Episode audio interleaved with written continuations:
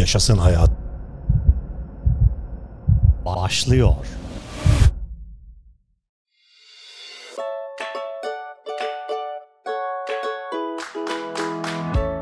Yine, yeniden Yaşasın Hayat başladı sevgili dostlar. Kardiyo ile düzen başlıklı podcast'imizi başlatıyorum. Program yapımcınız, sunucunuz Taylan Peker'le birliktesiniz. Yaşasın hayat. İster inanın, ister inanmayın, yapılan son araştırmalar ağırlık antrenmanlarınızı tekrar gözden geçirmenize, hatta programınıza aerobik egzersizleri eklemenizi sağlayacak.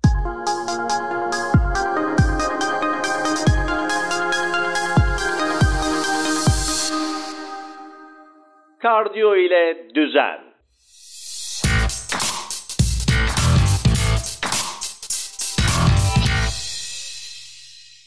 Fitness dünyası ağırlık yapmayı sevenler ve kardiyo yapmayı sevenler olarak her zaman ikiye ayrılmıştır arkadaşlar. Şekle girmek isteyen birçok insan ya ağırlık kaldırarak kısa ve yoğun antrenmanlarla kas yapar ya da koşu bandına çıkıp orta yoğunlukta uzun antrenmanlar yaparak yağ yakar. Açıkçası kapsamlı bir fitness çalışması için iki yaklaşımı da kullanmalısınız. Geçmişte yapılan araştırmalar aerobik egzersizlerin kas ve kuvvet kazanımını azalttığını savunuyordu. Ağırlık çalışanlarını üzen bu durum, fitness'a yeni başlayan ve irileşmek isteyenleri de kardiyodan uzak tutuyordu. İşte sonunda bu konuda iyi bir haber duyduk. Yakın zamanda yapılan araştırmalar, aerobik egzersizlerinin kas üzerindeki sözde engelleyici etkilerinin gerçek olmadığını ispatladı. Bu da demek oluyor ki arkadaşlar, hem ağırlık çalışıp hem de koşu bandında terleyebilirsiniz. Nasıl yapacağınızı düşünüyorsanız sizi böyle alalım.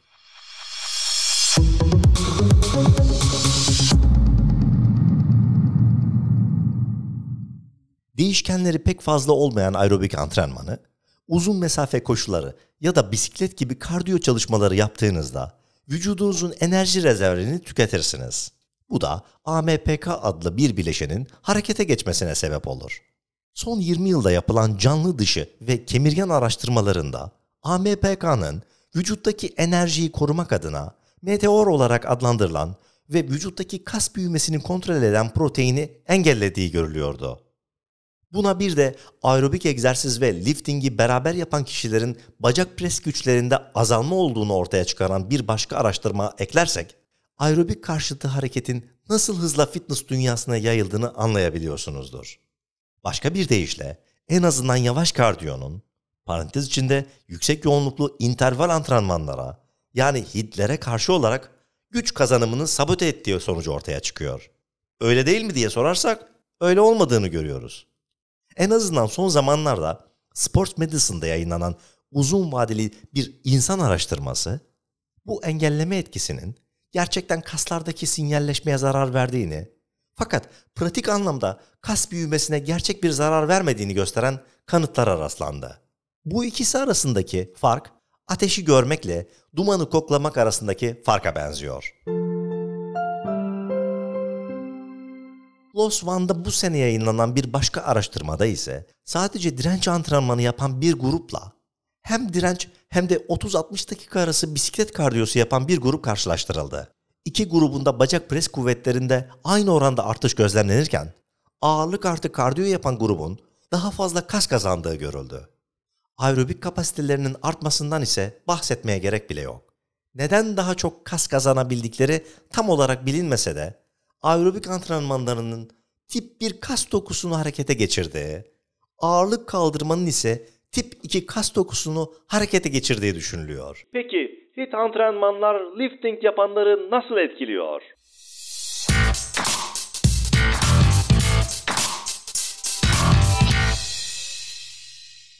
The Journal of Strength and Conditioning Research'te yayınlanan bir araştırma, HIIT antrenmanların kas kütlesi ve kuvvet kazanımını engellemediğini ve hatta vücut kompozisyonunu geliştirdiğini gösteriyor.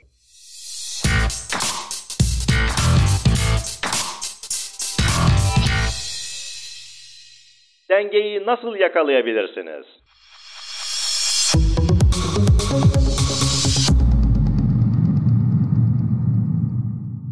New York'ta ünlü oyuncular ve sporcularla çalışan bir antrenör olan Don Saladino, 30 dakikalık bir kardiyonun kasları yediğine dair fikir beni hep çok güldürmüştür ve vücudumuz bu kadar dayanıksız değildir diyor.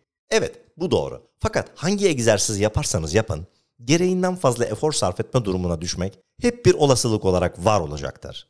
Kardiyo ve ağırlık egzersizlerini birlikte uyguladığınızda böylesi bir antrenman sürecinin yorgunluğunu ne kadar zamanda atabileceğinize dikkat etmelisiniz. Spor salonunun dışında ne kadar aktif olduğunuzu düşünün. Masa başı bir işte mi çalışıyorsunuz? Yoksa vücut kuvveti gerektiren bir işte mi? Nasıl besleniyorsunuz? Ve uyku düzeniniz nasıl? Ortalama bir kişi için haftada 3-4 gün yapılan bir ağırlık egzersizine ek olarak bir ya da iki hit seansı ve iki ya da daha fazla düşük yoğunluklu aerobik antrenmanı doğru etkileri almak için yeterlidir. Kafanıza pek yatmadıysa şunu düşünün. Saladino programları hazırlarken bir haftada birçok aerobik ve anaerobik kardiyo metodunu bir arada kullanıyor. Ve bu egzersizler yürüyüşten halat sallamaya kadar çeşitlilik gösteriyor. Kendisini merak edenler varsa Romalı gladyatörler gibi bir vücuda sahip.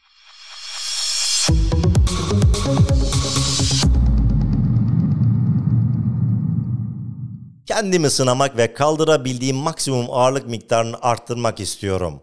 En iyi yöntem nedir derseniz, dünyanın en güçlü liftingçilerinden biri olarak bilinen Ed Cohen'in kullandığı sisteme benzer bir şey işinizi görecektir.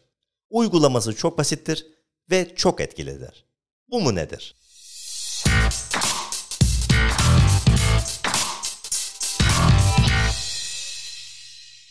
Kendinize 10 hafta verin ve ana ağırlık hareketlerine odaklanın. Squat, bench press ya da deadlift gibi.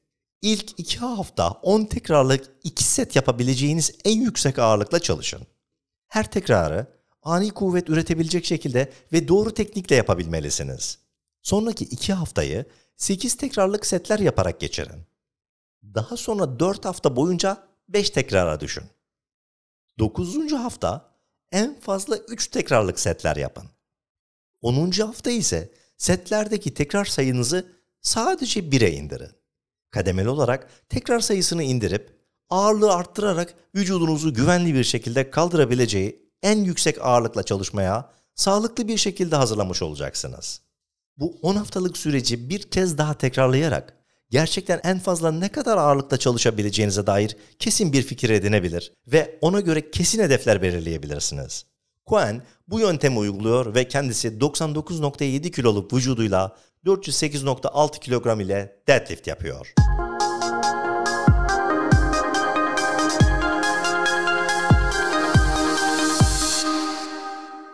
Haber zamanı, haber zamanı. Denizden ne çıkarsa mı?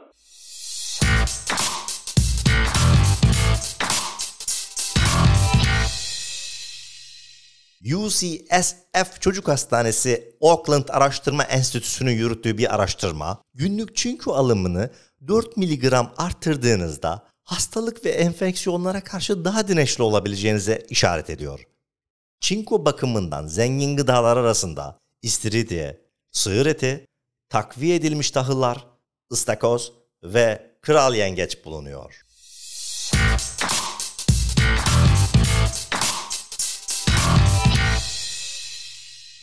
Haber zamanı, haber zamanı.